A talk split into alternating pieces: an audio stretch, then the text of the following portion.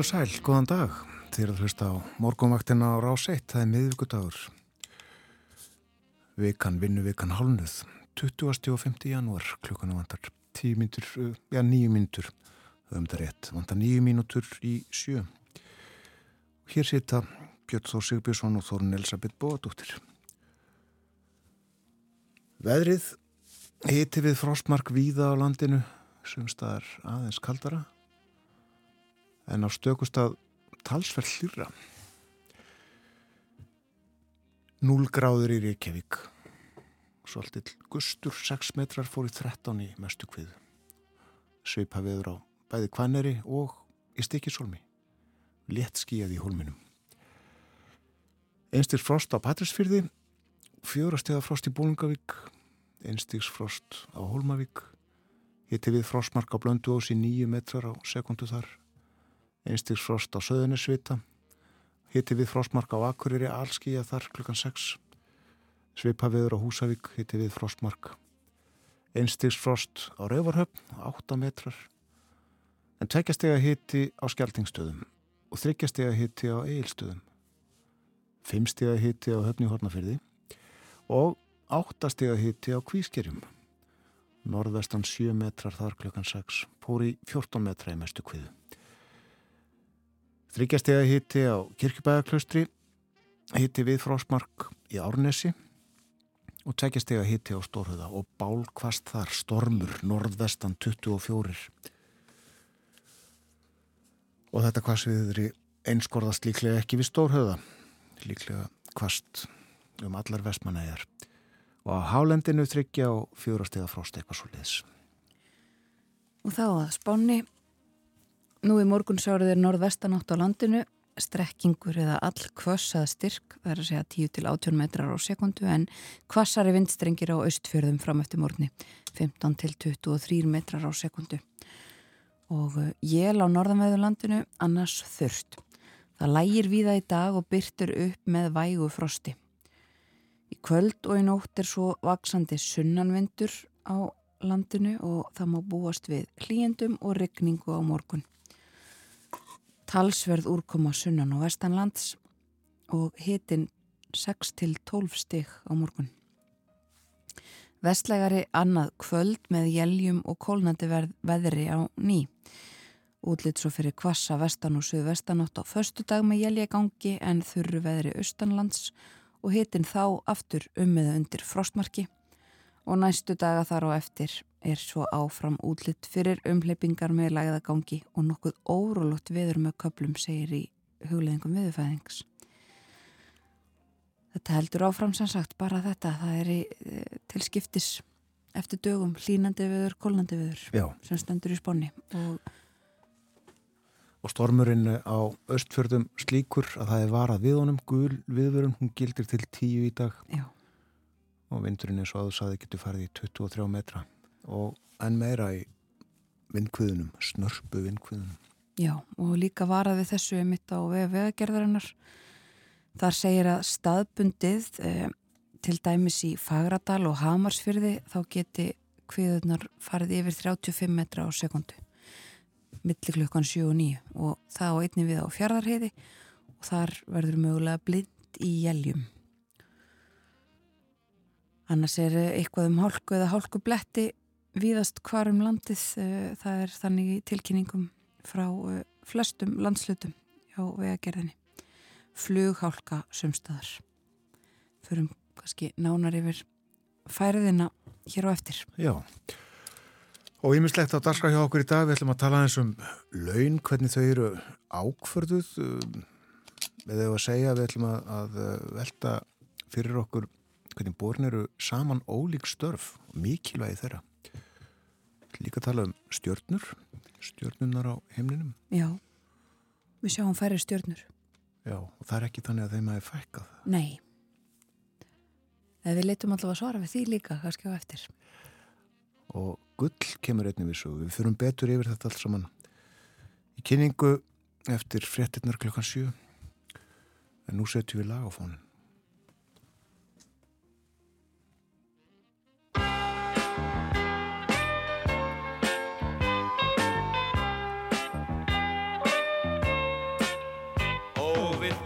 Hlusta, elsku litla ljúfan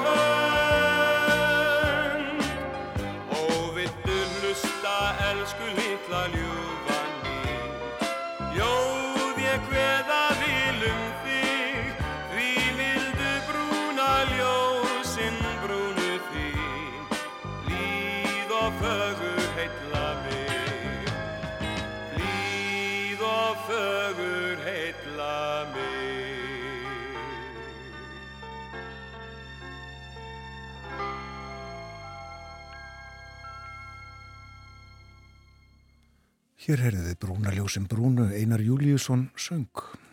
Við fjöllum um Einar Júliusson á eftir. Hann lést aðfarnótt lögadagsins síðasta. En þetta lag eftir Jenna Jóns og af plötu sem ávoru lög eftir Jenna og þau Einar og Eli Vilhjálms sungu. Það líður að fréttunum hjá okkur á morgunvaktinni. Þeir koma á slæðinu sjö. Við förum yfir dagsfráð þáttarins eftir fréttinnar lítum í blöðin og já, fjöllum um Einar Júliusson.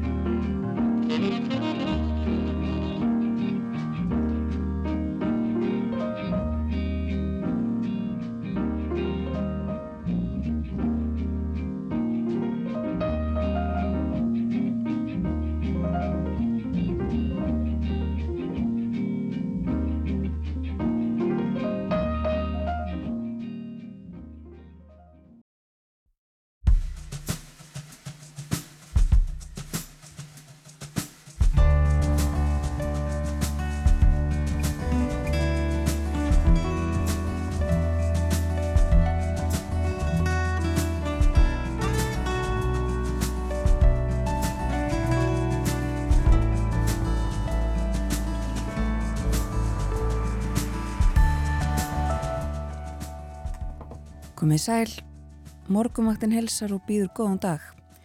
Það er miðvíkudagur í dag, 25. janúar og umsjónumenn þáttarins eru Björn Þór Sjöbjörnsson og Þórun Elisabeth Bóadóttir.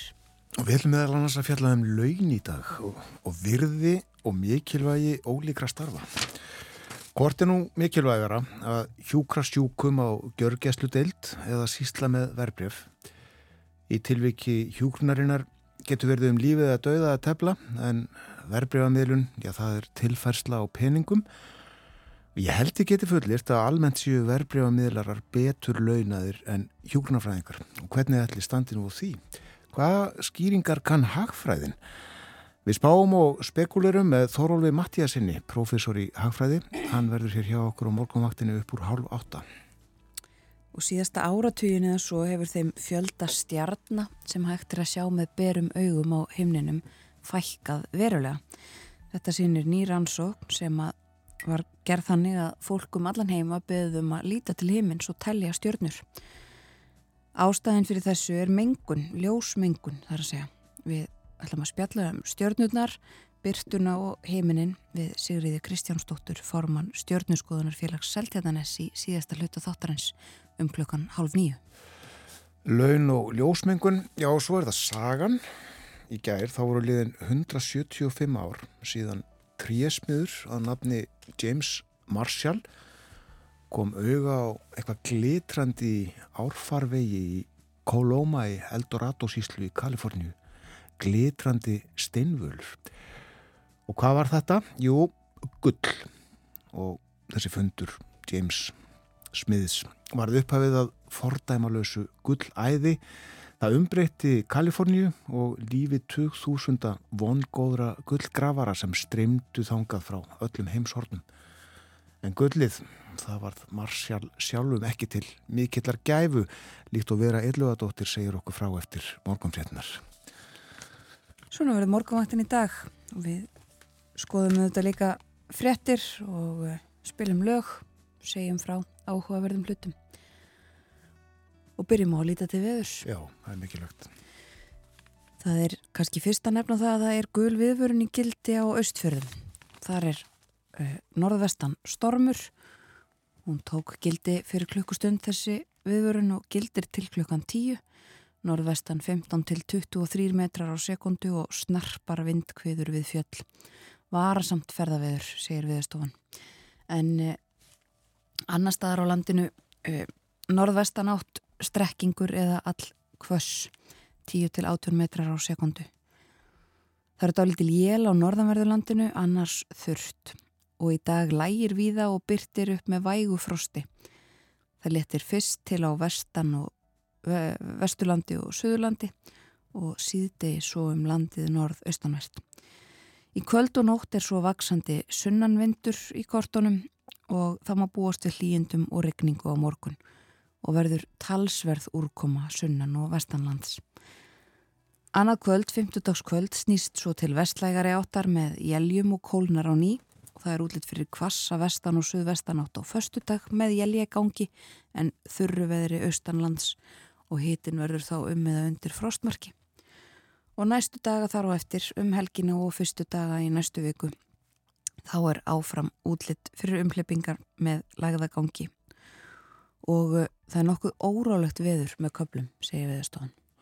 Alltaf að vera nokkuð hressilegur svona veðurfarslega þorrin. Já, sínist það. Um, og uh, þegar að veðrið er svona þá uh, hefur það áhrif á færðina og það var, var að sérstaklega við einmitt þessari uh, gulu viðvörun á austfjörðum en annars er eitthvað um hálku og hálku bletti á Suðvesturlandi, flughálka á Bláfjallavegi, Festarfjalli og í sunnanverðum Kvalfyrði. Það er hálkaði hálku blettir á flestum leiðum á Vesturlandi, eitthvað um snjóþekju þó og flughálka á Dragvegi. Hálkaði hálku blettir viðast hvar á Vestfjörðum, flughálta á Háldan, eitthvað um snjóþekju og nú er þæfingsfærð norður í Árnisrepp. Hálka eða snjóþekja víðast hvar á Norðurlandi og á Norðausturlandi, eitthvað um skafrenning og jæljagang, mjög blind á milli möðurudals og vopnafjörðar aflegjara og vekkfærendur bennir að aka með gát. Hálka eða hálkublettir víða á Östurlandi, sömuleiðis á Suðausturlandi, eh, milli Víkur og Kvískjari. Hálka eða hálkublettir á flestum leiðum á Suðurlandi og flughált á Grafningsvegi Evri. Svona eru tilkynningarna frá vegagerðinni. Við tökum fram blöðin og uh, sjáum myndirnar á forsýðunum tegnar á bestastuðinni gerð þar sem Íslensku bókmyndavælun voru veit og uh, handhafar þeirra að þessu sinni þau Ardís Þórarinsdóttir Ragnar Stefánsson Petro Gunnlúður García og uh, að auki Skúli Sigursson það fekk blóðdrópan og uh, það má svona við kannski fyrstu sín ætla að uh, myndirnar séu eins á morgunblæðinu og fréttablæðinu en svo er ekki. Má kannski þar hegi leik finnið fimm villur. Og uh, þá sé strax að, uh, að auk sigurveðarana sem eru á myndinu á fréttablaðinu með uh, fórsetanum og mentamálar á þeirra og formanni félags bókáútgifanda er á fórsíðu morgunblaðsins fórsetafrúin, hún er semst ekki með á myndinu og uh, verðin að hafa hann líka með uh, blómvendi mikla á mynd morgunblaðsins.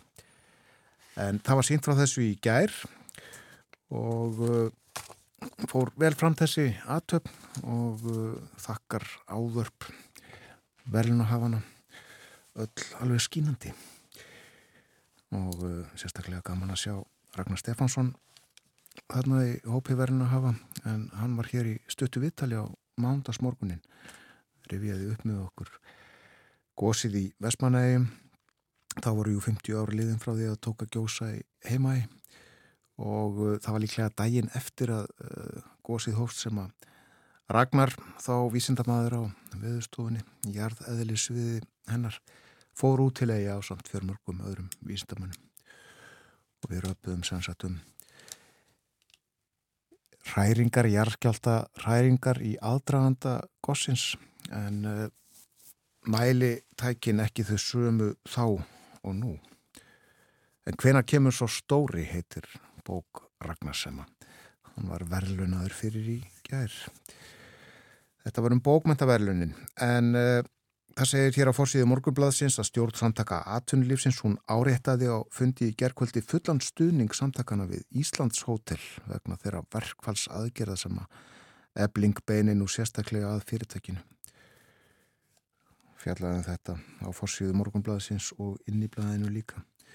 Svo er hér sagt frá ferðarþjónustu fyrirtæki það er torfhús og er í landi einholts í biskupstungum en 280 tonn af stuðlabergi eru notuð þar e, fóru í heita potta við gistihúsin. Þau eru öll byggði gömlum íslenskum torbæjastíl en pottarnir sem að hlaðnir úr stuðlabergi og þurfti á 280 tonn að því.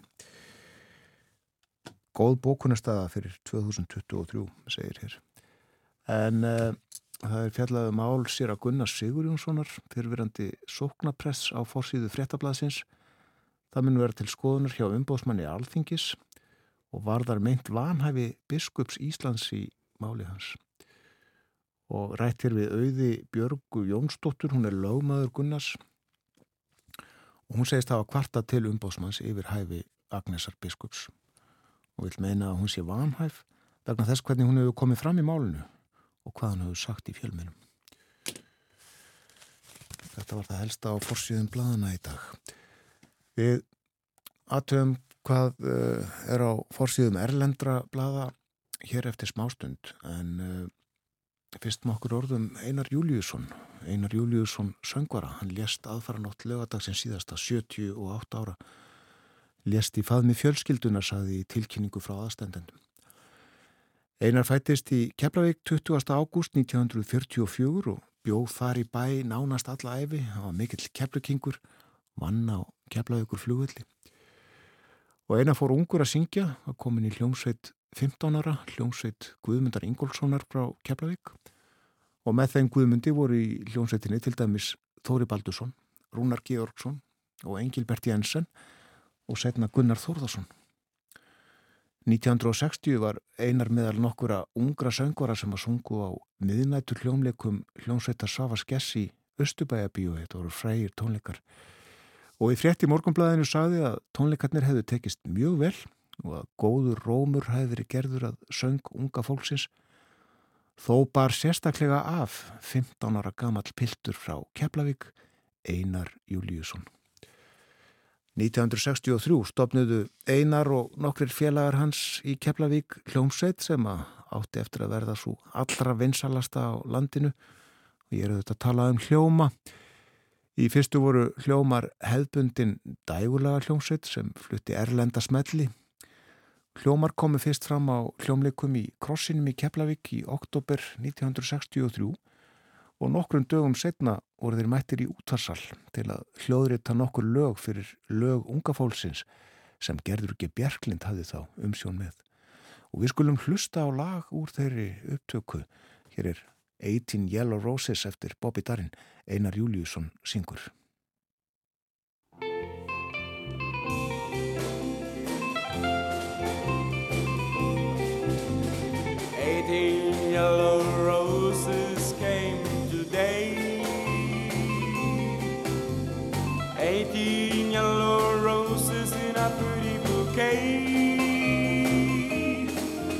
When the boy came to the door, I didn't know what to say, but eighteen yellow roses came today. I opened up the card to see what it said. I couldn't believe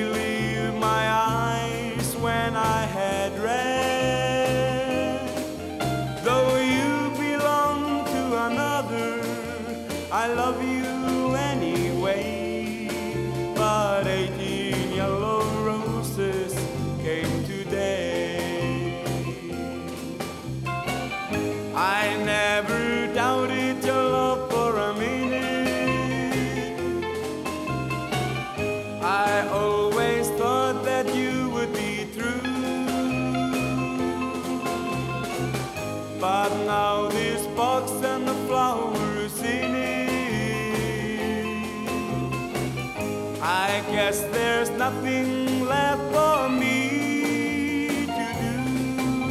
But ask to meet the boys done you this thing and find out if he's got plan to buy you a ring. Cause 18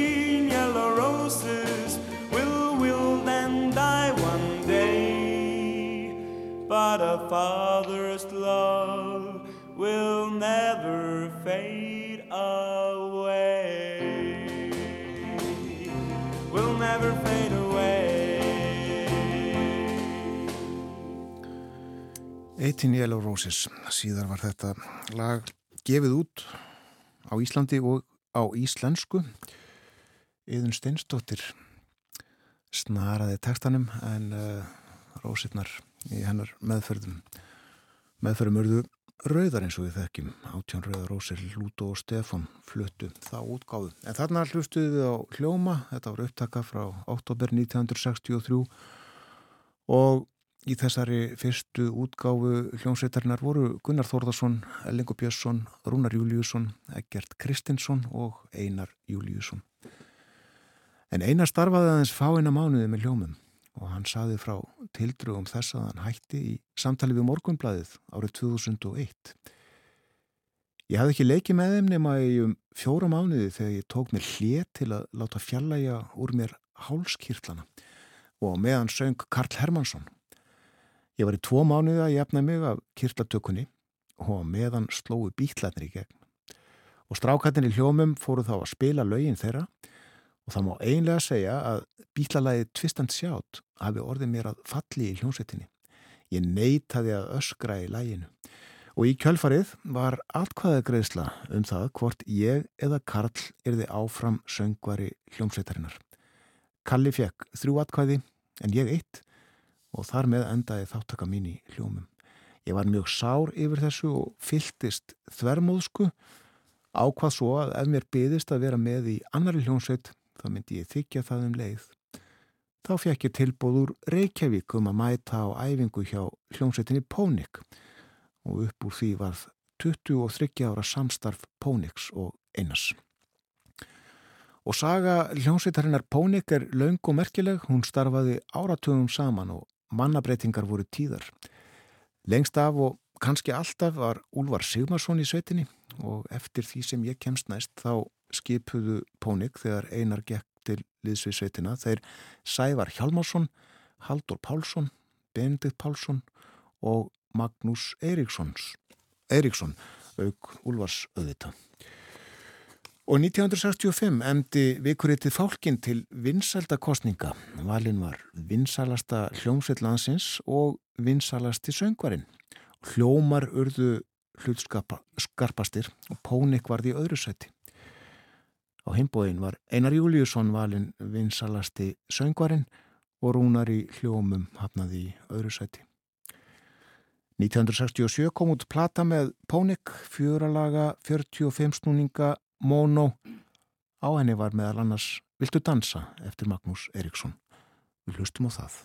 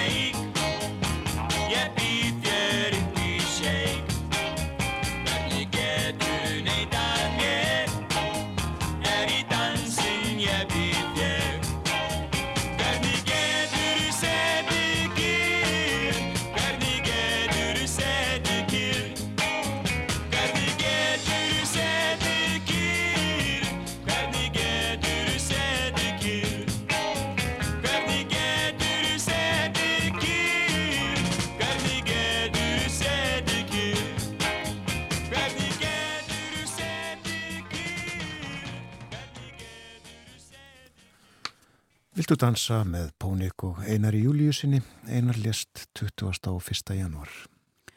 Þá skulum við lítið aðeins út í heim. Eh, við fjöldum um þetta skriðdregamál eh, í gær á morguvaktinni Artur Björgum Bollarsson fór yfir þetta eh, tregðu Ólaf Sjólds sérstaklega kanslara Þískalands til við það að samþykja að senda skriðdrega til Úkrænu. Nú segja fjölmjölar og hafa sagt síðan í gerðkvöldi frá því að, að þjóðverjar hafi ákveðið að uh, gefa eftir og ætli að senda skriðdrega til Úkrænu og þetta hefur ekki verið formlega tilkynnt en uh, Sjólds ræðir þessi málvæntanlega í þinginu nú í morgunsárið.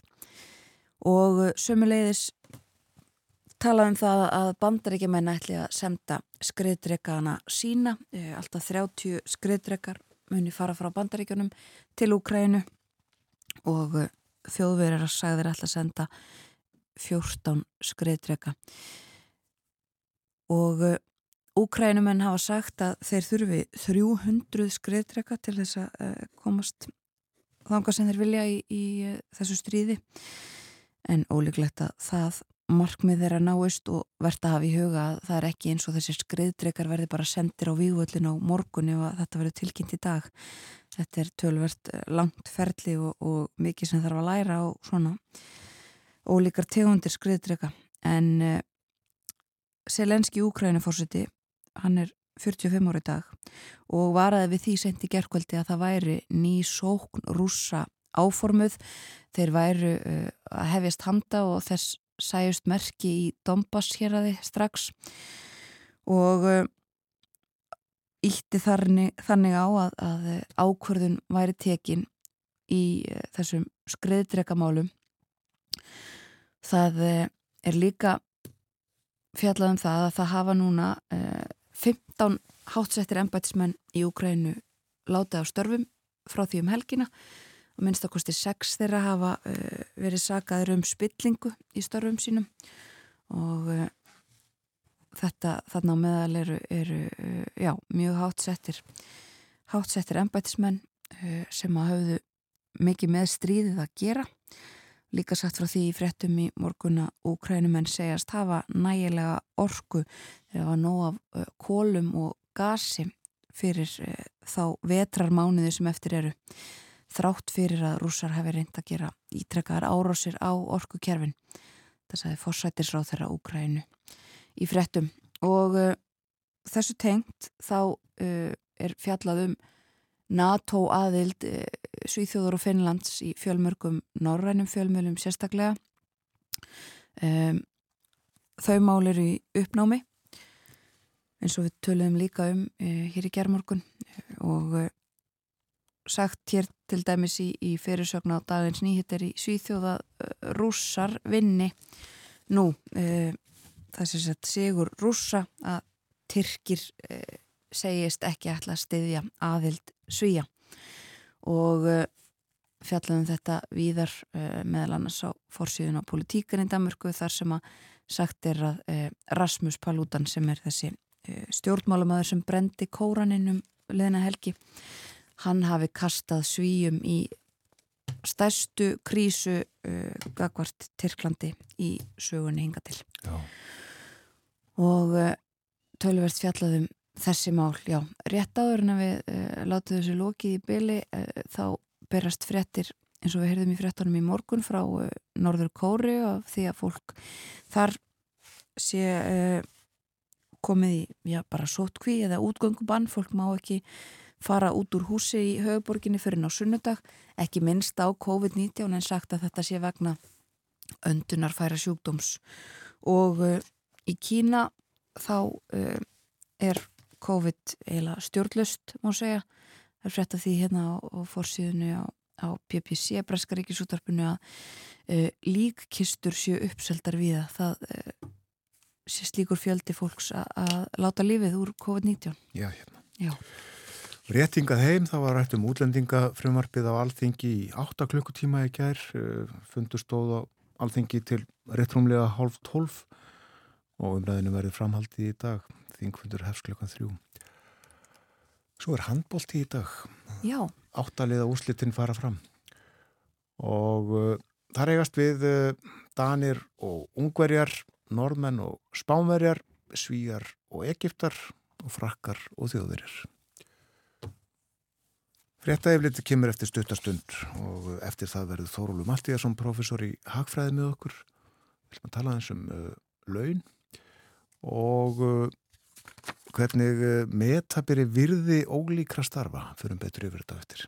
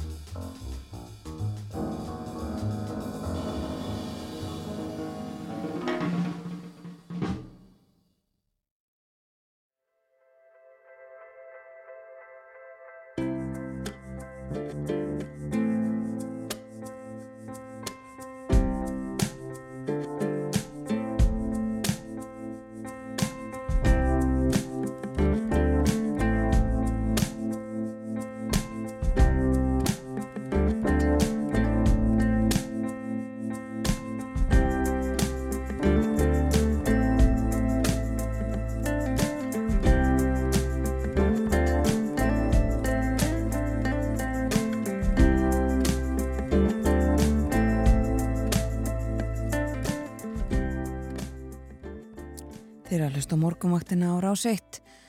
Klukkanarðin rúmlega halv átta. Það er miðvíkudagur í dag 25. janúar fyrir þeir sem voru að fara á fætur.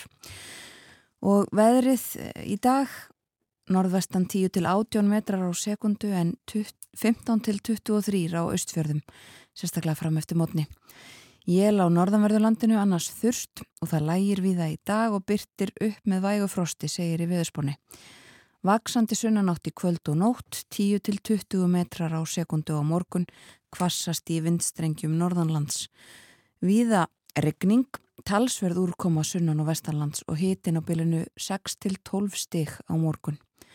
Það snýst svo í vestlægari átt annað kvöld með jæljum og kólnandi veðri á ný og svo eins og við höfum farið yfir þá fer þetta svona til skiptis eftir dögum hlínandi og kólnandi um hleypingar áfram í kortunum og órólött viður. Og ímislegt framöndan hjá okkur uh, vera illugadóttir verður hjá okkur eftir morgunfréttinnar við ætlum að tala um uh, gullfundin í Kaliforníu fyrir 175 árum þá hófst gullæðið. Já. Og svo er það stjörnunar þeim fækkar þó ekki, þeim fækkar stjörnunum sem við sjáum. Já, við sjáum uh, munfæri stjörnur á heimninum með berum augum heldur en fyrir nokkrum árum síðan og útlitt fyrir að þetta geti haldið áfram. Ljósmengunin er að aukast svo svakalega hratt. En nú eru fjallað um kaup og kjör. Fólk er misánat með launin sín eins og gengur og það er bæðið gömulsaga og ný. Laun flestra eru ákvörðuð með samningum og yfirleitt uh, leikja aldur, mentun og reynsla til grundvallar. En störf eru ónýttalega mismikilvæg. En eru launin alltaf í samræmi við mikilvægið? Nei, held ég að sumi segi, ég vil margir. Heilbriðistjættir, kennarar og fleiri í grunnstóðum samfélagsins hafa til dæmis oft og lengi reynd að benda á ósamræmi í launastruktúrnum, svo ekki sé nú sagt ósangirni. Verðmætasköpun er svo önnur hlið á málum hvar og hvernig verða til mælanleg og handföst verðmæti. En hvernig þið fjallaðum þetta í hagfræðinni? Við uh, veltum því fyrir okkur næstu mínútur. Þórólfur Mattíasson, professor í hagfræði við Háskóla Íslands er komin í þáttinn. Vinnumarkaðurinn er eitt þeirra máluflokka sem hann hefur fengist við í rannsóknum og kjænslu velkomin til okkar í dag, Þórólfur. Takk fyrir það, Björn. Sko, við höfum nú reyndi spjalli utan þáttarins að ná utan að þetta. Eh, Nýðurstaðan er að það er ekki einfalt. En við ætlum samt að reyna. Við reynum.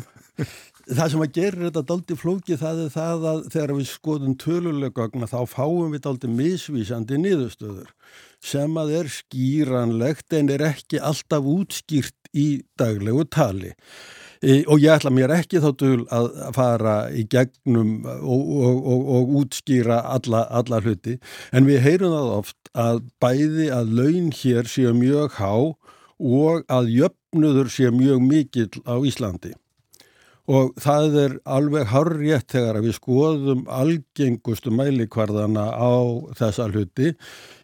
Forsættisræðunættið létt gera mikla úttækt þar sem hafa farið ofan í laun eftir stjættum borið saman við Norðurlöndin og ef við tökum bara gengisgráninguna eins og hún kemur á skefnunni þá er Ísland hæðst og, og, og það munar mjög miklu e, meðri segja þannig að stjórnendur eru með 60% hærri laun heldur en e, heldur til dæmis e, stjórnendur á Svíð og sem eru með lægst greitt til, til stjórnenda.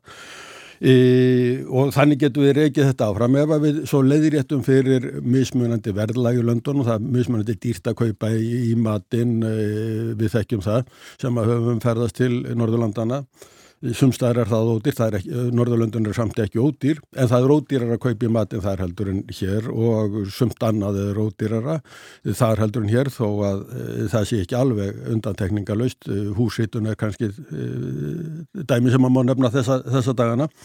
En, en, en þá jafnast þetta aðeins og svo ef við kíkjum betur á tölunar þá er yfirvinna stór hluti af þeim mun sem að kemur fram á milli margara stjætta. Einmitt. En, en, en svo ef við tölurna sem að fósittisráðunæti var með voru fyrir 2018 þá var raungengi mjög hátt og það tröflar þessa tölur pínulíti kannski.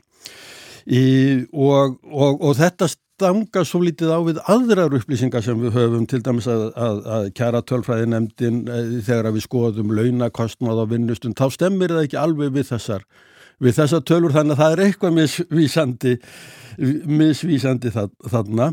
En svo er það annað sko ef við mælum jöfnuð með hefðbundnum hætti og það er svo kvöllum gínistuðli og þá er verið að skoða hvernig tekjur dreifast á milli fjölskyldu eininga og þá er dreifingi mjög jöfn hérna. Ef við hins vegar skoðum annan mælikvarða, það er munurinn á launon, ef við tökum alla launþega og röðu þeim upp þá sem að fá lagst laun e, fyrst og síðan endur við á þeim sem eru með hæstu launin og, og skiptu þeim upp í tíu parta tíundir kvöllu við það. Og ef við skoðum launin sem er akkurat á milli sem er með 10% af mannskapnu fyrir neðan sig og svo launin hjá þeim sem eru með 90% af mannskapnu fyrir neðan sig eða 10% fyrir ofan sig skoðum hlutfallið á milli þessara tveggjastærða þá er það e, í, á, á hinu Norðurlandunum í kringum 2,5 og hefur farið hækkandi og það hefur valdið þeim talsverðum áhegjum í, á meðan að það er nálagt þremur hjá okkur og svona í, rétt undir 3,5 í bandaríkjónum. Þannig að ef að við lítum á jöfnuðin í, í, í launadreifingunni að þá eru þarna merki um það að, að, að hún sé miklu ójafnari hjá okkur heldur norður, á Norðurlandunum. Þannig að, að, að, að þessa tölur, þegar við berum þetta saman, þá gefa þeir ekki sömu skilabóðin. Mm. Og þarna gæti talningareiningin verið á bakvið vegna þess að það er miklu algengara, atvinnið þátt að hvenna, þó hún sé að há á hinn Norðurlundum, þá eru mjög há hjá okkur, miklu hærri heldur en það. Atvinnið þátt að ungs fólks er líka mjög há og það getur talið þarna inn í uh, ungt, eða sem sagt, uh, unglinga teljast til fjölskyldunar fram 18 ára, 18 ára aldri. E, þannig að, að samandregi þá getum við sagt að meðallaun á Íslandi eru há, gengið hefur áhrif á samanburðin, launamunur millir hægst og leggstu launa er, er, er hærri hér heldur en allavega á hínum Norðurlöndunum. E, Þannig að, og ein möguleg skýring á þessu gæti verið svo að, að, að auðlinda tekjur hér streymað aldrei til fólks, til dæmis til sjómanna í gegnum hlutaskiptakerfið e, og, og, og það gæti verið viss skýring en, en, en ég ætla ekki að fullera að það sé eina, eina skýringina því það er eitthvað í launamyndunni hérna sem er svo lítið öðruvísi heldur en á hinu Norðurlöndunum. Já og eh, eins og þú segir það hefur svo sem ekkert upp á sig að, að bera saman bara laun á milli landa það þarf líka að skoða hvað fæst fyrir þau. Já, það þarf að skoða það, þarf að skoða það og það breytir myndinni svo lítið en, en, en samt sem áður að þá eru við há á, á þennan meðaltalsmæli hverða. Já. Og eh, rétt bara að nýkja því á að, að eh, yfirvinnan hefur miklu meira vægi hér en annars. Já, Það, það, það, það gerur, gerur hún. Og hún er bæði unnin og óunnin? Já, það er bara eins og þetta kemur út úr rekningum fyrirtækja gerir á fyrir. Þetta er unnið upp úr gögnum frá hagstofum eh, allra landana. Akkurat. Já. En það gæti verið þarna einhver, það er erfitt að skilgreina hvað eru laun og, og það vita allir sem hafa fengist við launa tölfræði og, og, og mjög auðvelt að gera villur í þessu og það geta vel verið að það séu villur í, í, í, í þessu öllu saman. Og uh, sko höldum aðeins áfram með samanbyrjun það skiptir líka máli hvernig skattkerfin eru, eru stilt af? Það skiptir máli og, og uh, fósættis er áðurneitið í þessari skýslu sem ég er að tala, taka þessi gögn upp úr að það dregur þá álíktun að skatt á tilfæslukerfin breyta tekjudreifingunni minna á Íslandi heldur en á hinu Norðurlandunum. Þannig að kannski er það vegna að þarf minna, menn finnst það þurfa minna eða þá að það er pólitískur munur, áherslu munur þar á millilandana. Já, eða þá að velta þrólu fyrir okkur uh, launamun milli einstaklinga? Já, e, e, besta greiningin sem er til á því á, fyrir Ísland, það er greining sem að Hagstofan gerir í sambandi við greiningu á launamun kynjana og, og þessi greining er orðin afskaplega vönduð og þar koma miklu meiri upplýsingar heldur um bara þessi eina tala um launamun kynjan og ég eiginlega er tilbúin til að segja það að það sé ómerkilegast að tala hann í þeirri skýslu launamunnu kynjana. Ég held að aðrar upplýsingar sem að þarna eru síðan miklu merkilegri. Já, já, hverja þá? E, já, sko, ef við skoðum uh, hérna upplýsingarnar og, og, og þeir hérna greina þetta mjög vandlega og, og þá sjáum við það að laun ráðast af aldri og starfsaldri.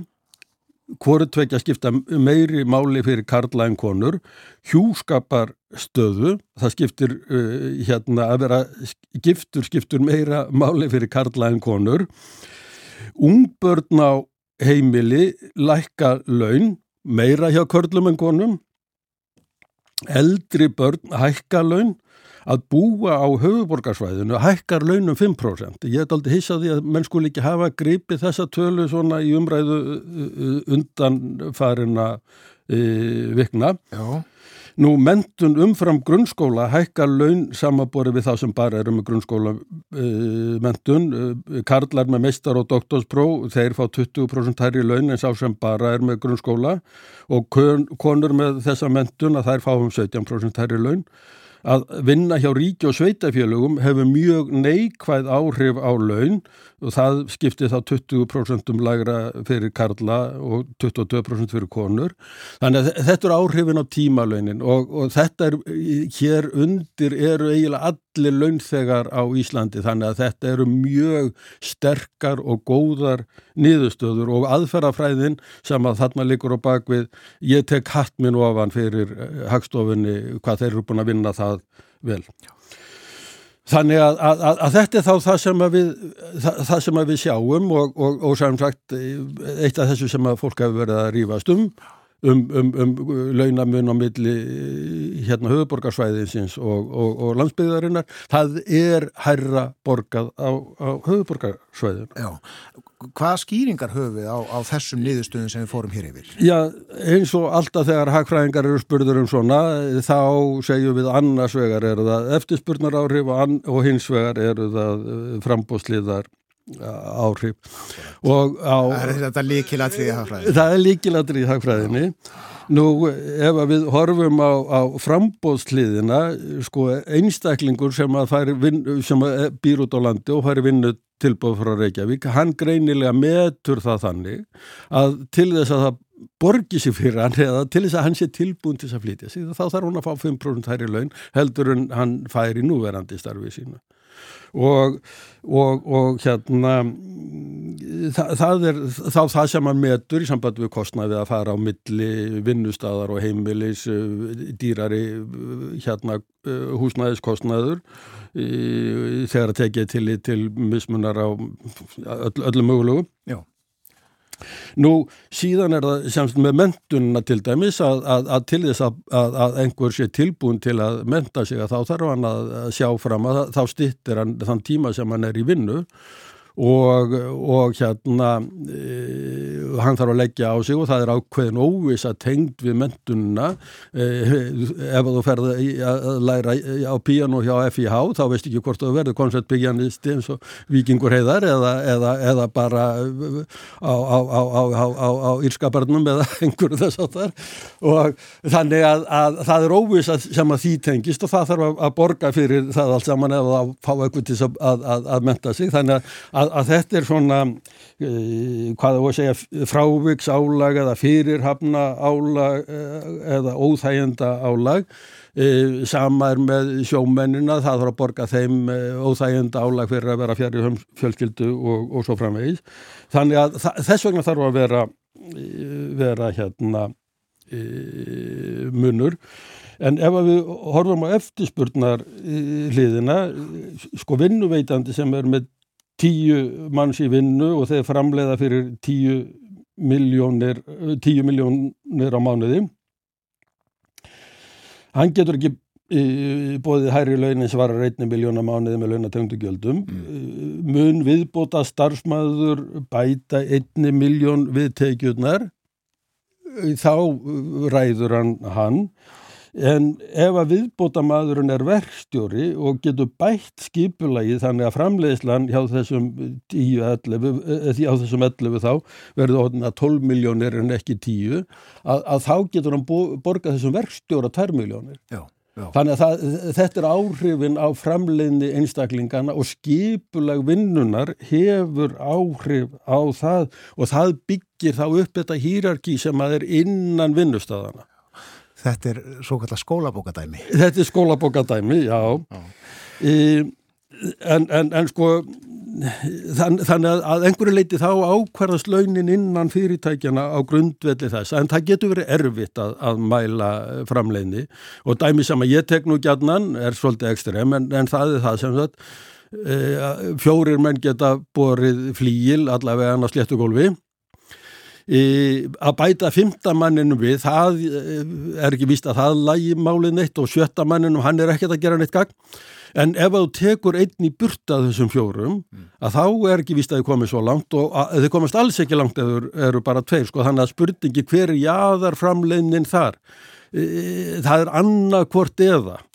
Og, og þannig að, að, að, að í, við það búum við í mjög mörgum tilvikum og þá koma mannað sérfræðingarnir og fara að reyna að búa til eitthvað sem heitir virði starfa innan fyrirtækisins og svona eh, horfa á mentunina og, og, og þetta allt saman sem að er hægt að fá mælingu á utan frá eða með að skoða gögnhagstofunar en, en, en þetta er svolítið eins og sleikja puttan og stinganum upp í upp í vindin til þess að sjá hvaðan vindurum blæs.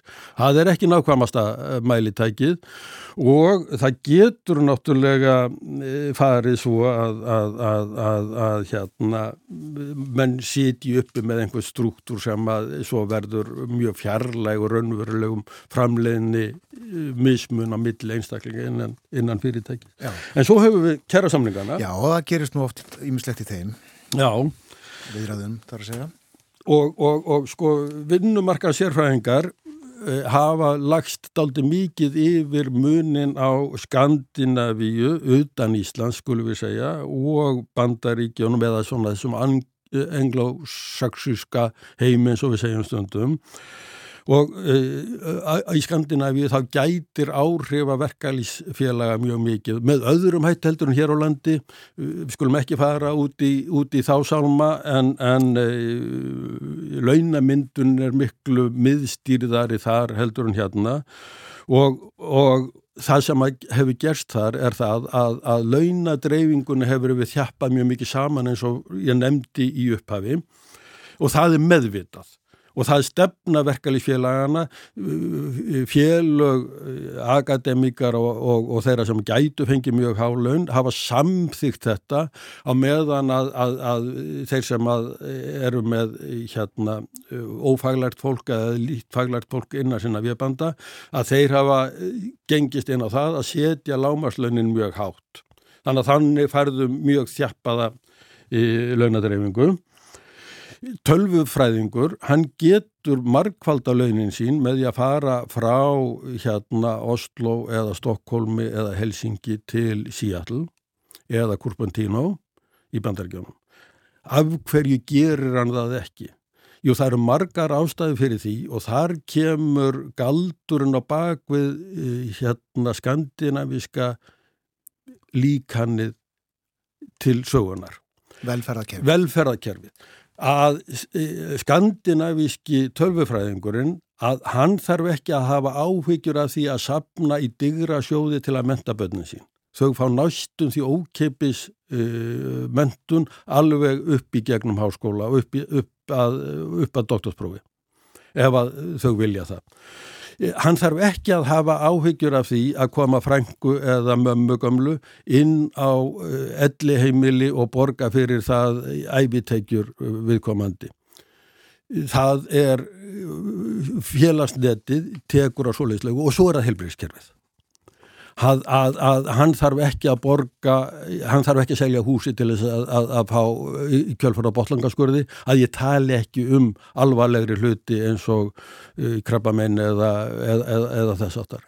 Þetta er allt saman miklu, miklu ódýrara og, og, og, og aðgengilegra fyrir alla í Skandinavíu heldur en þarna. Þetta er samfélags sáttmálinn sem að leifir það að hafa háu, háu launin lág og lágu launin há í Skandinavíu og þetta gerir það til dæmis að verkum að L.M. Eriksson og hérna Nokia þeir gáttu gengið að stórum hópi tölvuverkvæðinga og annara verkvæðinga og borga þeim tiltúrlega lág laun til þess að vinna fyrsta klassa vinnu. Þeir fundu upp farsíman í Skandinavíu. Já Þetta er að því að, að uh, ríkisjóðuði tóku þátt í þessu með, með Ríkisjóðin tóku þátt í þessu öllu saman. En þá Þorólur kom við hér í lokin aftur að hjúknarfræðingnum og verbreyðamiðlaranum á Íslandi. Já, eins og við nefndum að, að, að, að þó að framleginni skipti þarna máli að þá eru stóri hlutar af þessu sem að er erfitt að mæla framleginnina eða það eru utan við markaðin. Og e, hagfræðingar eru svo litið að vakna upp við það núna að kannski þá hafi e, almenningur, e, það er ekki hagfræðingum að kjanna, en þá hafi almenningur kannski ofmetnast gagva, eða, eða, eða sett forgangsröðinuna vittlust. Að sko hvað skiptir máli í lífinu? Það sem skiptir máli í lífinu er að vera við góða heilsu að þeim sem að manni þykja vendum og er í kringum mann, að þeim líði vel. Það snýst um helbriði, helbriðiskerfi og félagslegt örgi. Peningarnir, þeir koma þarna á eftir það gagnar voðalega lítið að vera uh, mjög auðugur ef að þú hefur ekki goða helsu og ég heika maður Rásins á 2 hafi sínt okkur daldi mikið af því á, á síðast ári. Haraldur Þorleifsson, akkurat Það er skekkja í þessu. Það er, um það. það er skekkja í þessu og við þurfum öll öðru kvoru að velta fyrir okkur hvað er skiptið máli og það að eignast miljónina meira, að, eignast, að, að, að geta ekkið um á aðeins stýrari bíl, það er ekki það sem skiptið máli. Það sem skiptið máli er að heilsan sé góð, að bönnum hans hafi það gott að maður hafi ekki miklar áhegjur af foreldurum sínum á elli heimilunum. Einmitt. Og uh, þau sem ættu, er að vinna í þessum kerfi mættu að vera á góðum launum. Það, það endur speglast ekki í þeim launum sem þið fá núna. Það held ég að við getum fullert nefn að mjög takmörkuðu leiti. Einmitt. Þetta var þessi struktúr í, í samfélaginu með augum hagfræðinar við uh, þurfum að ræða þetta líka við félagsfræðinga og fleiri sem að, að skoða svona aðrar hlýðar í samfélaginu. Þeir segja nú kannski að ég hafi gengið og langt inn á þeirra lendur. mögulega, mögulega. En kæra þakki fyrir í dag. Þorlu Mattíasson, professor í Hafræði.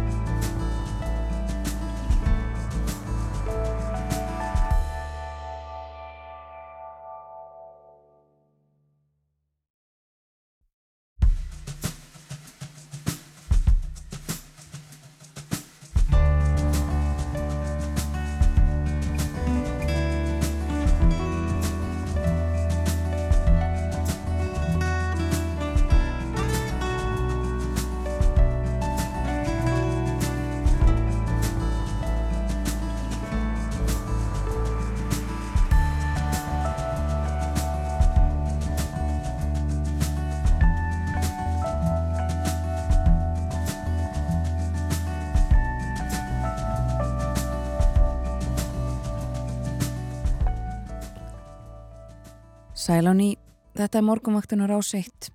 Klukkan er 6 mínútur gengin í nýju þannan meðugudags morgun. Og hér fyrir frettir var hjá okkur Þórólfur Mattíasson, professor í Hagfræði. Hann rætti um verðmæta mat, starfa, virði ólíkra starfa. Það er skekkja í þessu. Já. Um, peningarnir sem að komi í bankanum mánaðum út endur spekla ekki svona virði margra starfa. Nei. Við fórum yfir ímsa tölur og samanburð á uh, tekjum fólks á Norðurlöndunum, gerum einnig samanburðið bandaríkinn og uh, já, svo velduði fyrir þessu tókum dæmi uh, hjúkronafræðingur og verbreyðamiðlari, verbreyðamiðlari er miklu betur borgaður. Já, Þorvaldur sagði þetta í lokin, það sem skiptir máli er ekki að geta kyrt á aðeins stýrari bíl, skiptir máli að börnunum líði vel og þú hafið ekki ómiklar áökjur af foreldrum á hjúkunarheimili eða einhverju slíku. Það eru hlutinni sem skipta máli og það er fólkið sem að, er ekki með nægilega há laun með að við raunverulegt virði þessara starfa. Akkurat. Nefna það að það er kvast fyrir austan Já, og er, verður eitthvað áfram. það er í gildi gul viðvörun og hún er í gildi til klukkan tíu norðvestan stormur þar. Vindkviður uh, sem að geta verið mjög snarpar og uh, svo lægir og það lægir víðast um landið í dag en uh, svo aftur vaksandi vindur í kvöld og í nótt það verður sunnanátt á morgun 10 til 20 metrar og þá kólnar aftur nei, hlínar aftur á morgun fyrir að regna vegnir töluvert uh, sunnan og vestanlands hitin alltaf 12 stegum á morgun og svo kólnar aftur annað kvöld, sem sagt 50 dags kvöld og eh, verður tölvert kallt á föstudag, hlínar svo aftur á lögadag, kólnar svo aftur á sunnudag og svona heldur þetta áfram. Hér á eftir ætlum við að tala um stjörnurnar. Við sjáum uh, mun færri stjörnur í dag heldur en við gerðum fyrir bara fáinum árum eða áratugum. Ástæðan uh, öll ljósin sem við komið okkur upp. Já. Meira en þetta og eftir. En uh, nú förum við til Kaliforníu. Þar mun sólinn skína í dag. En uh, ég veit ekki hvernig viðræði þar uh, um þetta leiti árs fyrir 175 árum. Uh, þá gerðust þar hlutir, getur við sagt, sem átt eftir að breyta ymsu. Vera illóðadóttir komin til okkar allar að segja okkur fráfara með okkur í ferðarlega aftur í tíman.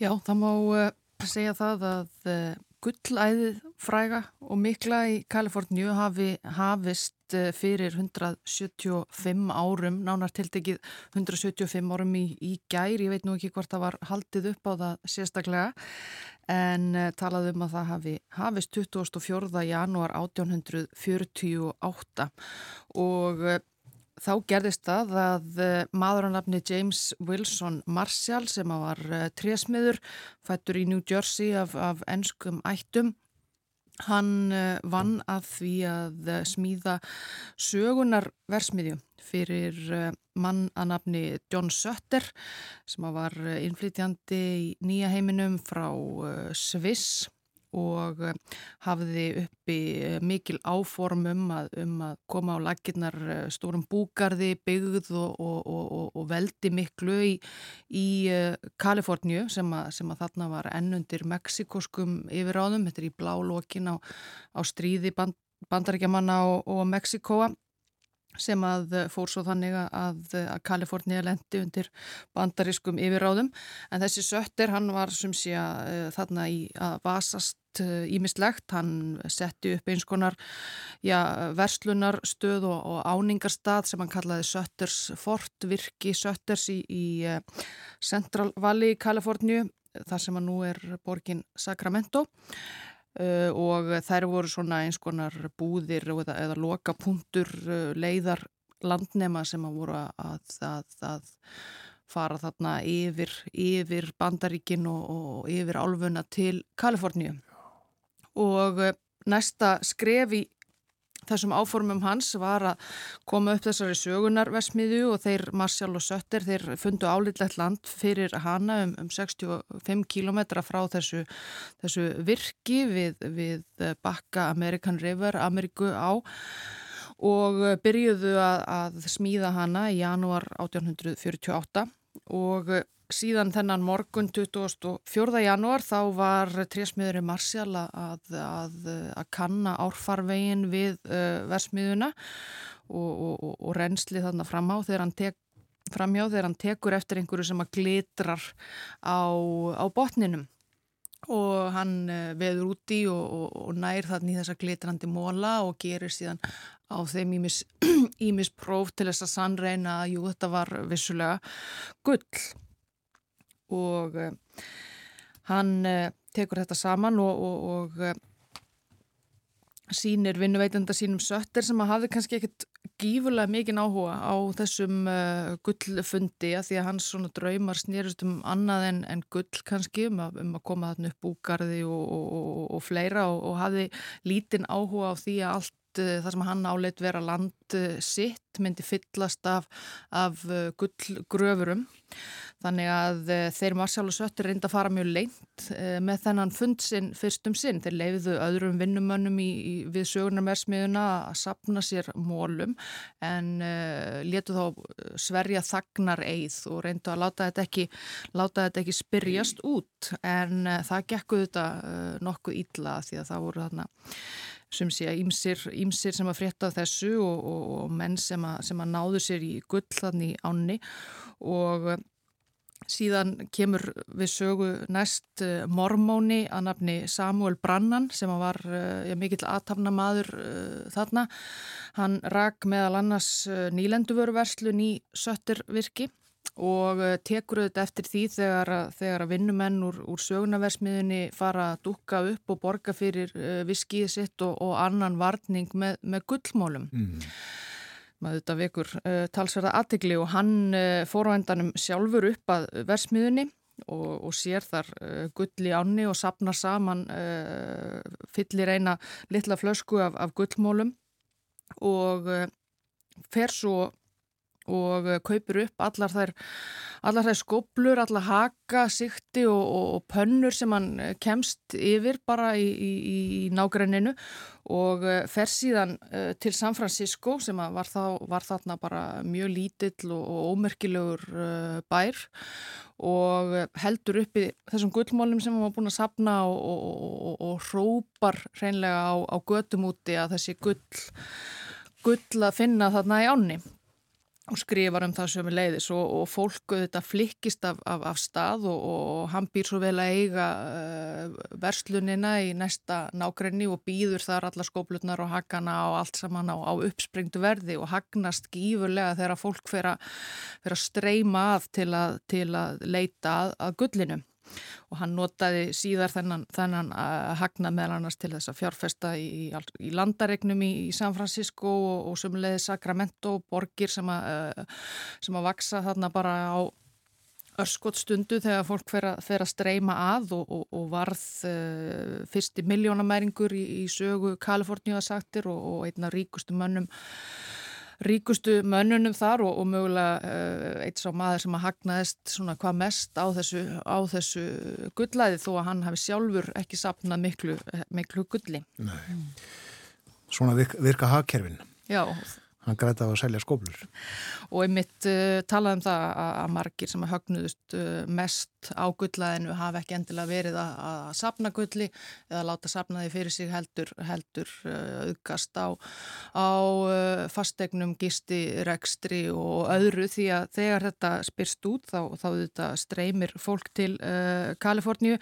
Fyrstum sinn þá er svona á, á austurströndinni Eh, þetta fréttin er svona nokkuð lengi að berast þangað, ekki allir sem að trúa því að, að það sé eitthvað mikið gull að finna þarna hinum megin en í, en í uh, desember 48 þá, þá, þá staðfestir uh, James Polk þá verandi bandaríkja fórseti þennan gullfund í, í, uh, á bandaríkja þingi og fréttinnar fara síðan um, um heim allan og, og, og sérstaklega 1849 þá, þá kemur fólk streymandi að, fólk sem að annarkort fór uh, landleiðina þvert yfir Norður Ameríku, uh, mjög erfið leið sem að, sem að tók langan, langan tíma, mörg þúsund kílometra skröld eða þá að fólk kom uh, sjóleiðina sildi þá fyrir 8 Suður Ameríku og aftur tilbaka eða, eða, eða fór, fór, land, fór á landi yfir, yfir, yfir Panama.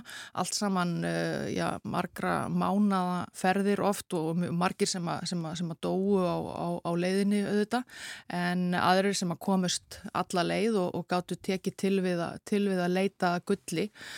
Eh, þarna var Kalifornia orðið bandarist yfiráðasvæði en allar svona reglur um, um landaregnir og, og, og, og nótkunn þeirra en þá svona mjög ómótaðar. Og þannig að fólk gætt bara, bara tekið, tekið það gull, tekið sér þau lönd sem þau, þau dætti í huga einlega og tekið þar uh, gullið. Og þarna koma sem sé þúsundir, uh, þúsundir, tökþúsundir uh, að. Og eh, síðan fólk frá, frá öðrum löndum sem er leiðisegla úr öllum heimshornum sem, a, sem að streymir að. Gullæðið, við þekkjum þetta. Svo sannarlega.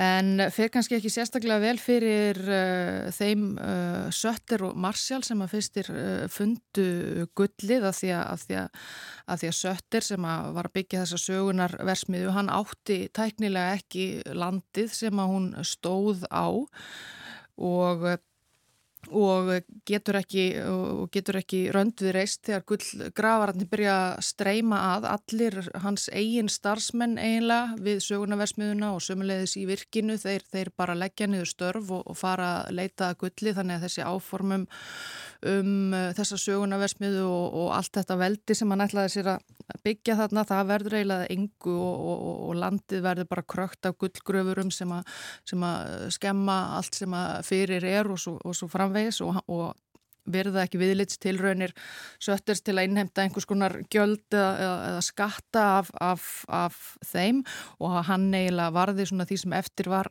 uh, ævinar í það að reyna að fá einhvers konar skadabætur frá bandarískum yfir, yfirvöldum fyrir, fyrir það eh, hvernig fór fyrir já, hans, hans uh, eignum. Uh -huh. Og Marsjál Trésmiðurinn kom ekki vel út úr þessu heldur, hann uh, gæti ekki klárað að byggja þessa, þessa sögunarversmiðu og, og gullgravarnir röktu hann líka eiginlega af landinu og hann gerði svona ímislegt til þess að til þess að reyna að eh, komast af næstu árin meðal annars áttan uh, tímabila sem hann held í fram að hann, hefði, hann geti fundið gull uh, þauksi yfir náttúrulegum hæfileikum Já. en reyndist erfitt að samfæra fólk um það og, og hann endaði æfina slipur og snöyður og hafði líka reynd að sækja sér einhvers konar, einhvers konar skadabætur eða, eða eða viðurkenningu á, á, á því sem að hann kom af, kom af stað þannig og þetta er þetta uh, gullaðið sem að gjörsamlega umbreytti uh, já, öllu í Kaliforníu þegar þarna streymdi, uh, streymdi 2000 manna og, og, og borgir uh, risu og, og margir sem að högnuðust mikið en aðrir auðvitað sem að byggðu mikinn skaða af kannski ekki síst frumbyggjar á svæðunum sem að gullgravarar uh, já, röktu burt frá heimkinum sínum og frá veiðilendum sínum og, og, og byð og byðu byð þess aldrei bætur. Áttar þið á að vera uh, hvað þetta tímanbíl stó lengi? Já, þetta, það er talað um að því hafi svona verið uh, lokið kannski hinnu eiginlega æði 1855, þetta stóð ekki svo lengi uh, fyrstu fyrstu hópar gullgrafara voru nokkuð fljótir að, að þefa uppi allt það sem að auðvelt var að finna og vinna En uh, síðan fundum hann auðvitað upp á, upp á uh, nýri tækni til þess að uh, ná því gulli sem, a, sem að eftir var en síðan varð, varð minna og minna um, um gull. Mm. Þetta eru nokkur ár þannig að þetta æði ríkir en áhrifin varanlega eins og þú varst að koma inn á Kalifornia breytist. Kalifornia breytist auðvitað mikið, varð úr kannski eins konar útnára og varð, varð mjög fljótt Eh, óvenju fljótt að eh, fullgildur ríki í bandaríkunum. Það var kyrt í gegn 1850 eh, strax. Kaliforníum er mjög fljóttir að byggja upp svona alltaf stjórnkerfi sem að, sem að tilþurti og, og áhrifanna getti svo auðvitað miklu víðar. Það voru fleiri sem að, já það voru þarna erlendir gullgravarar sem að, sem að sendu auðin sinn heim. Það þurfti að byggja upp upp, uh, geira upp landbúna uh, sömulegðis til að fæða allan, allan, allan skaran í Kaliforníu, bæði, bæði þar og, og, og, og uh, síðan var síðan var flutt inn mikið af, mikið af kortni og, og, og matvöru frá, frá erlendum ríkjum og þannig að áhrifin áhrifana gætti já, næstu því um, um heim allan, má segja. Og einhverjum áratöfum síðar þá uh, töldum þessi að það fundi gull í Vassmýrinni hér í Reykjavík. Það var ekki gull. Fór ekki alveg á sama hátt. Nei, kannski þau kom bara fyrir það. Þetta var um gullæðið upp af þess gullæðið í Kaliforníu, 175 ár liðin. Við fundum lag, uh, gamalt bandarist þjóðlag sem við ákvaðum að leika hér að þessu þessari frásög lokinni. Kæra þakki fyrir vera illa og dóttir.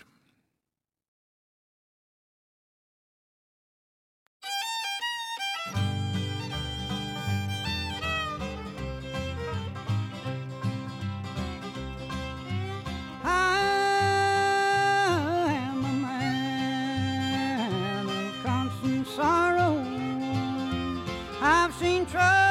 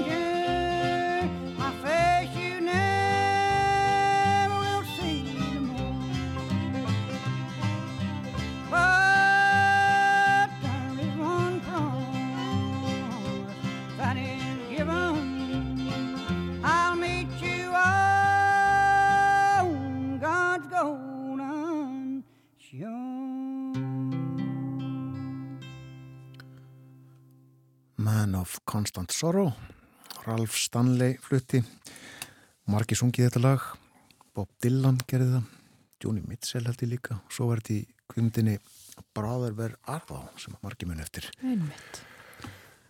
Legum þetta í kjálfarið á frásökn veru Ylvaðdóttur um uh, gullæðið í Kaliforníu. Það hóst á uh, fyrir 175 árum síðan í gær. já. og uh, frá jörðinni og upp til stjarnana, við ætlum að fjalla um stjörnurnar á eftir. Já, til okkar kemur Sigurður Kristjánsdóttir formaður stjörnur skoðunarfélags Seltinnanes. Það er þannig að samkvæmt nýri rannsókn að stjörnunum sem við sjáum með berumögum þeim fækkar og það verulega og við ætlum að fá Sigurði til þess að segja okkur frá þessu og kannski einhverju fleiru úr geimnum hér á eftir. Réttaðaflitið kemur eftir rúmar fjóra myndur, fyrst auglýsingar.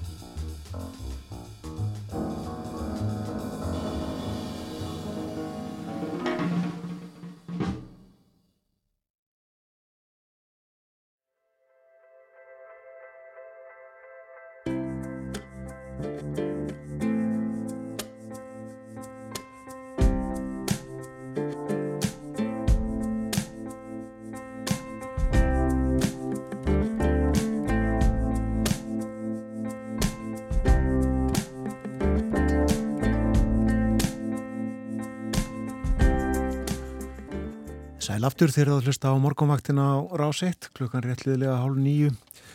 Það er miðugudagur í dag, 20. og 50. janúar.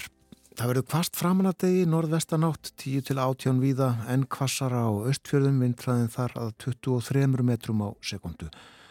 Og þá má búast með jæljum á norðanverulandinu, en uh, svo lægir þegar líður á daginn og áttinn snýst í kvöld fyrir að blása sunnan og hitin hann verður svona öðru hvort meginn við frostmarkið ég er rétt undir frostmarkinu kannski við að skvar Og við höfum rætt ýmislegt uh, í þættinum í dag. Vorum í uh, fortíðinni og Kaliforníu áðan og nú förum við úr veðrinu og upp til heimins, lítum til heimins síðasta áratugin eða svo hefur þeim fjölda stjarnar sem hægt er að sjá með berum augum á himninum nefnilega fækkað verulega. Þetta sínir nýrannsók sem að hefur verið sagt frá og við ætlum að velta þessu fyrir okkur næstu mínúturnar til okkar er komin Sigriður Kristjánsdóttir, náttúruvár sérfræðingur og formaður stjórnuskoðunar félags Seltjarnanes. Velkomin á morgunvaktina. Takk. Um, við sjáum færri stjórnur á himninum núna en uh, áður. Uh, byrjum á að fara bara yfir af hverju það bara hefur orðið svo gríðarlega mikil aukning í lýsingu. Hlutaði er náttúrulega bara að það er gríðarlega manns, fólk er að flytja inn í bæina bara meira og meira viða um heim. Og það hefur í, kjör, hefur í förmið sér að við viljum lýsa upp það staðina það sem við erum. Svo hefur ledljósabildingin haft svolítil áhrif líka. Og það hefur komið þessi ledljós sem eru ótir í framlegslu og það hefur svona haft eiginlega þau áhrif við höfum sett meira af lýsingu heldur við þurfum og kannski bjartari heldur við þurfum þannig að þá þau séu, þetta séu mjög mikill kostur og orkusbarnar og þá hefum við eiginlega kannski aðeins farið yfirum í þessu. Já, þannig að ástæðan er bara þessi ljósmengun, það er ekki þannig að stjörnunum fækki eða neitt slíkt. Nei, það er, en það er lifa svo rosalega lengi, það er eftir að lifa okkur öll. Já.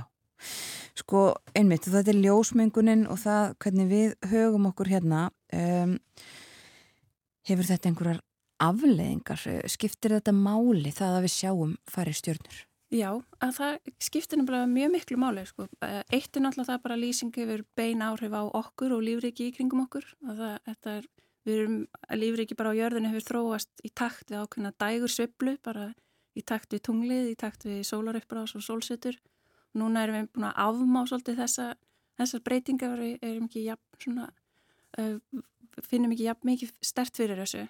En eitt af því sem hefur verið rannsaka er hvaða áhrif það hefur að finna svona lotningu fyrir bara náttúrunu og umheiminum.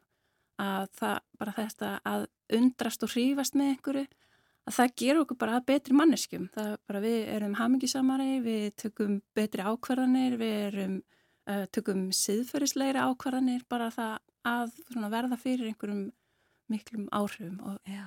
ég held að það sé já, svolítið erfitt að verða fyrir mikill í lotningu þegar við erum henni hérna í morgun umferðinni bara og með fullt að ljósastöyrum og byrja að ljósum í kringum okkur. Einmitt. En það er auðvelt þegar maður getur hort upp í heiminin og séð stjórnundar og norðurljósin og allt svona. Og bara velt. hverjum degi jáfnvel sko. Já. Og við náttúrulega, við erum mjög vögn að sjá norðurljósin, við þurfum að sjá tólti ekstrím norðurljós til þess að verða kannski fyrir lotningu. En ferðamenn sem koma hinga sjá bara örlítil norðurljós og bara, það hefur mikil áhrif á þau. Já. Og við náttúrulega erum, það er alveg staður á Íslandi sem er mjög góður til þess að fara á skoðu norðurljós og skoða stjórnir og verðum að komast út fyrir borgarmörkin. Sko. Já, einmitt. Eh, það er hér eins og annar staðar að það er erfitt að sjá eh, almennilega til heimins. Já, við sjáum bara þessar svona björtustu stjórnir og björtustu stjórnimerki og við sjáum alveg kalsvagnin og við sjáum reikstjórninar og sjáum auðvitað tunglið en sumstar í sumum borgum eins og Hong Kong það er bara lýsingina svo mikil að þú eiginlega hættur að sjá tunglið sko. og það, það er bara orðið daldi mikið sko. Einmitt, já það er þannig við kannski gleymum því að þó að það sé nú bjart hér í þéttbíli alltaf Já. af ljósunum þá er það ekkert kannski samanburði við marga aðra staði á jörðinni. Nei, við náttúrulega viljum hafa ljós bara upp á öryggi Mm -hmm. en það er svona spurning hversu langt við förum sko og öryggi eins og ég hjóla mjög mikið þannig að ég er inn að passa að vera vel líst og maður sendir krakkan í skólan með endurskinsmerki og það er bara til þess að bílar sjáu þau? Og bílar keira svo hratt þess vegna þarf lýsingin að vera svona mikil fyrir bílaumferðina. Við sem erum bara gangandi eða hjólandi og við förum ekki jafn hratt þannig að við þurfum ekki að lýsa umhverfið upp jafn mikið. Já, og svo er hægt að stýra lýsingunum meira, það er hægt að beininni, þú veist, að hún lýsi bara á það sem hún á að lýsa, lýsi bara niður og ekki upp.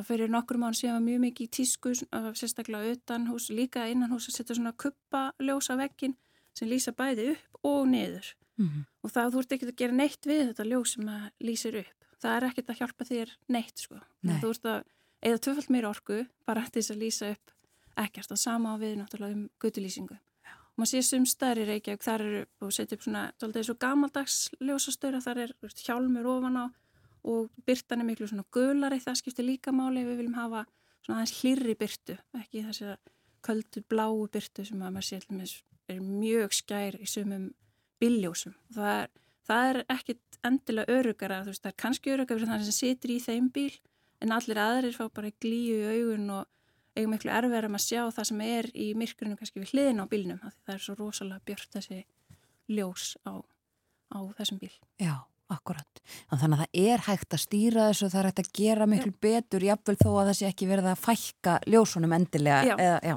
Og stýra hvenar er lýsing, þú veist, það getur verið skinjarar bara þegar fólk lappar eftir göngustíga þá mm. kvikni á ljósunum eða þau dimmist á miðnætti eða það er alls konar sem maður er hægt að, já. að finna upp á. Sko.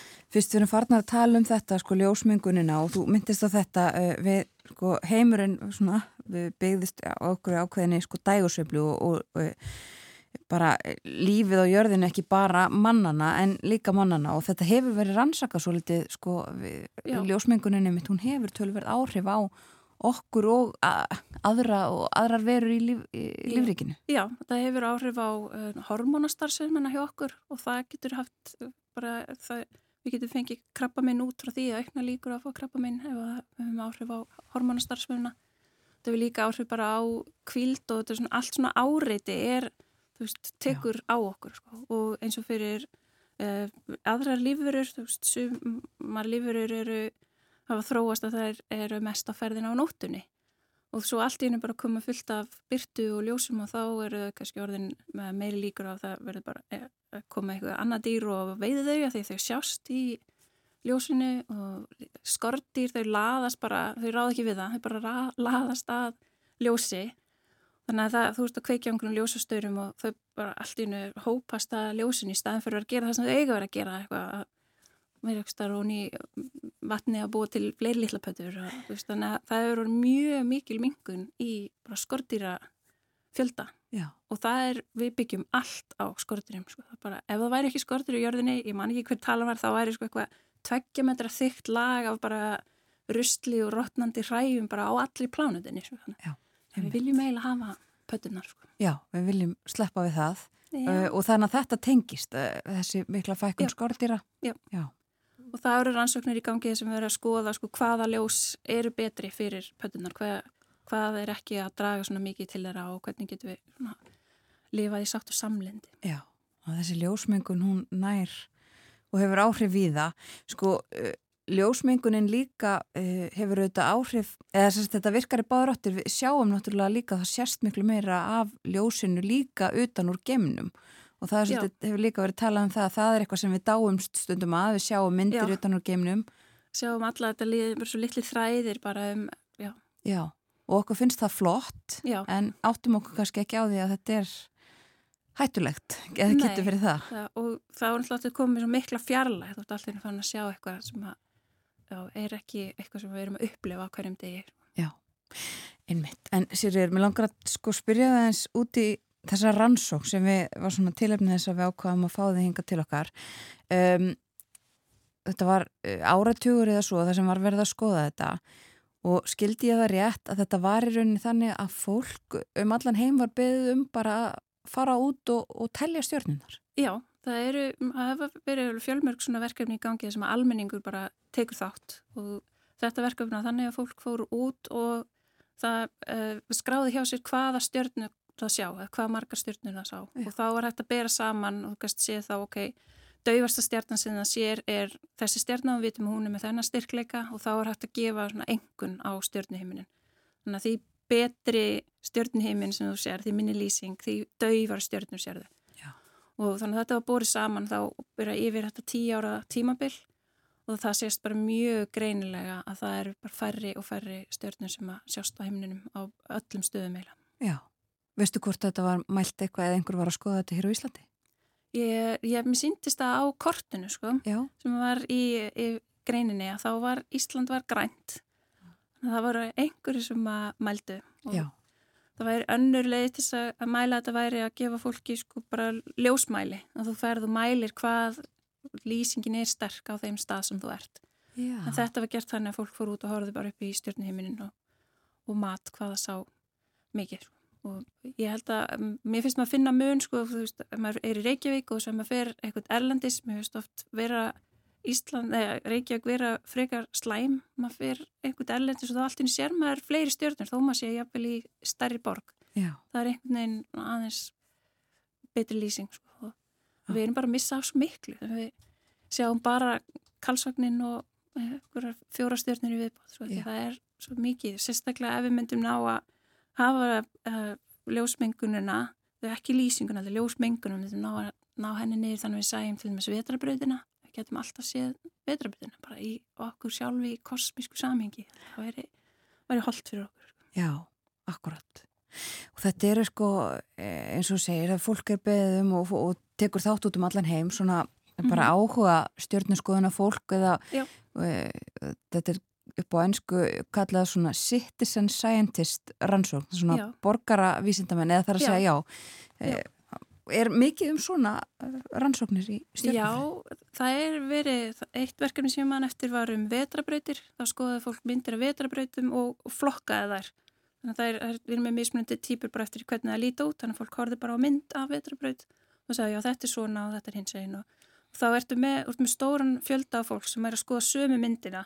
Þá ertu komið með kannski, þú ert ekki að reyða þig á að ein manneski að einhver Pétur og, og Pála einhver stöðar á kvamsfyrði sé að flokka eina ertu mm. með komið kannski hundra manns eitthvað sem að horfa á sömu myndina og segja ok, já, við teljum að þetta sé þá ertu komið með svolítið góðan trösta grunn fyrir flokkuninni. Já. Og með, þetta er verið að kalla hérna, hvað var það? Astronomy Zoo, eitthvað svo leiðs. Og svo er þetta bara, út frá þessu sprottið alls konar verkefni. Og náttúrulega núna er líka gögg svo aðgengileg. Og það, það er svo auðvelt, það er allir með tölfur, allir með internet. Þannig að við höfum enga afsökun eiginlega fyrir að taka ekki þátt. Sko. Einmitt. Og ég sé það einmitt, þú nefnir það að þetta verkefni sem að uh, þessi rannsók byggði á Globe at Night, mm -hmm. þar er einmitt bara hægt að sjá, uh, sjá núna kort og, og dagatal yfir það hvað hægt er að sjá hvenar á þessu ári. Uh, já. Já, það, einmitt, gögnin eru töluvert aðgengileg. Já. Um, og fúrsko, fólk hefur auðvitað hort til heimins í gegnum aldirnar, eh, hvort sem Já. er í vísindalegum tilgangi eða ekki, eins og þú nefndir á það bara þetta fylla slotningu og, og fara að hugsa og, og sjá sér í kosmísku samhengi. Já, og nota þetta til þess að vita hva, hvar ertu á árinu. Þú veist ekki með eitt Google kalendar til þess að segja er hvernig það er að fara að planta fræjum en þú getur nota stjórnuheiminin til þess. Náttúrulega líka, ég held að fólk hafa verið miklu meiri takti við, þú veist, hvernig sólinn fyrir að rýsa yfir þennan fjálstopp eða eitthvað annað sko. og þú veist svo það er eiginlega eins og stjörnufræð og stjörnuspeki sprettur eiginlega upp úr sama bara fólk er að horfa upp í híminin og þetta hefur, hefur þetta einhver áhrif á mig eða ekki og þú veist það svo skilst þetta svona að og stjörnuspeki verður meira svona bara meira til gamans og meira bara fyrir okkur en, en stjörnufræðin kemur úr sama bara ranni Já, einmitt uh, Eru margir á Íslandi uh, í svona þessu að uh, líta til heimins, skoða stjórnundnar uh, eh, til dæmis bara, uh, þið eru stærsta félagi, þegar það ekki, stjórnunskoðanarfélag Seltetanæs, eru margir eldur sem að falla í þannan flokk já, áhuga fólks? Já, þeim er alltaf að fjölga sko og það, svo er náttúrulega með fullt af ferðamönnum, þau koma að henga mjög mikið til þess að sjá, kannski ekki stjórnundar en til þess að sjá norðurljósun. Sko. Já. Þá er það svona backup plan að geta horta stjórnundar allavega. Einmitt. Og þó að það sé ekki auðvelt á í Reykjavík þá eins og þú nefndir í upphafi, það er uh, tölvört auðveldar að víða annar staðar á Íslandi. Já, en það er alveg nokkri staðir í Reykjavík sem eru svona aðeins dimmari, og meins bara inn í laugadal þá ertu komin svona aðeins inn úr mestu menguninni og það er líka bara út á gróttu og á seldinanessi þú veist að Já. bara um leið og komin aðeins út fyrir að þá strax verða að sjá miklu fleiri stjórnur sko.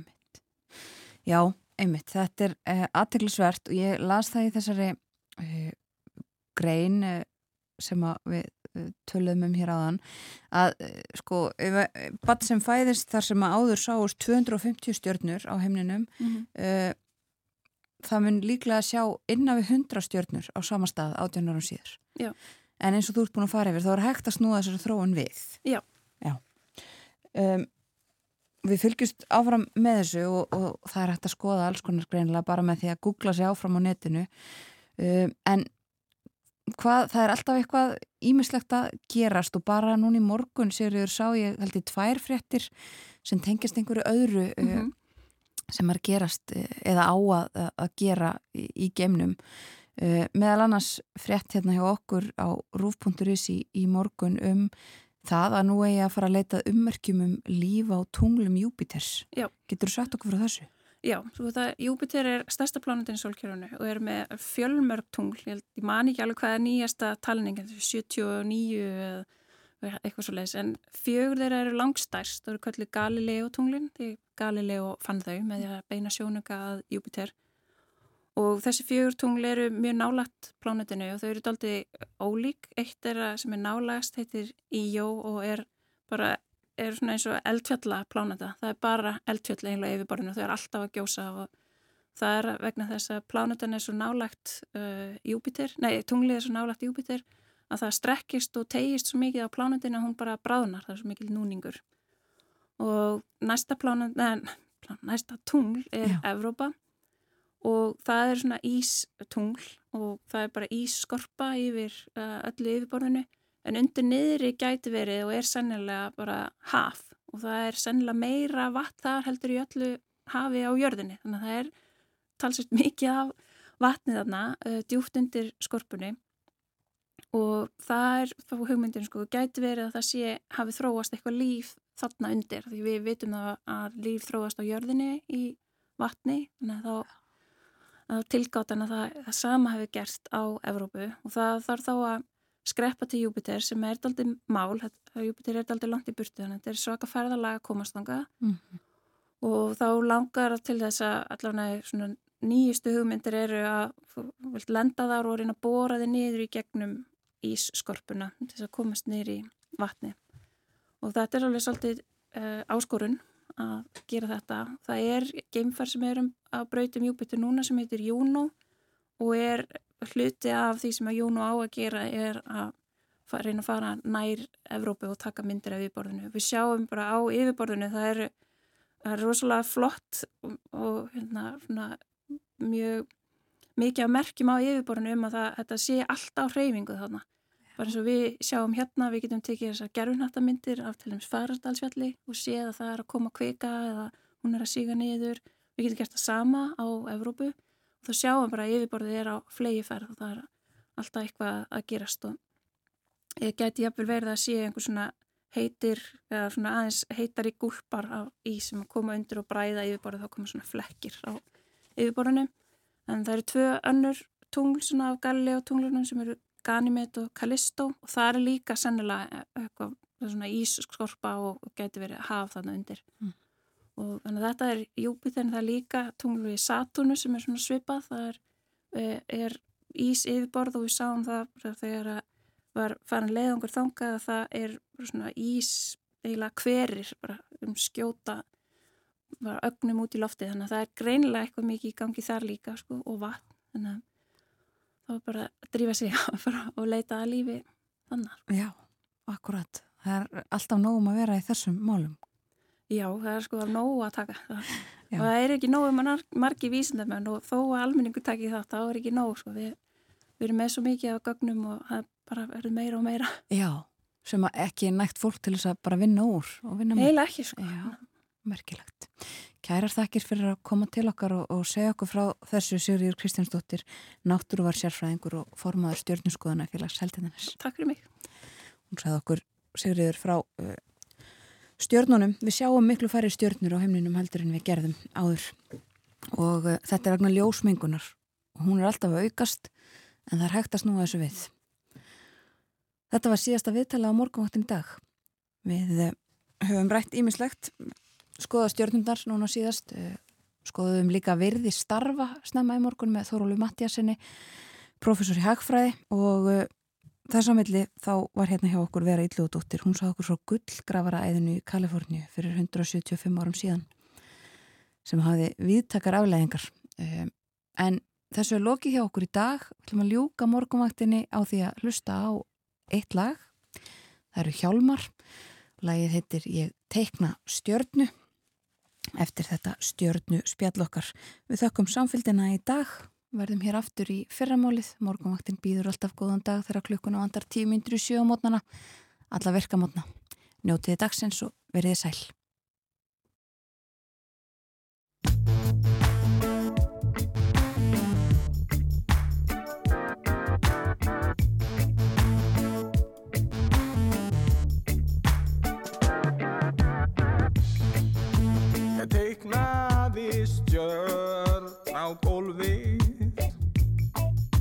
och reste i cross? Gav finns vår kors. Gav finns.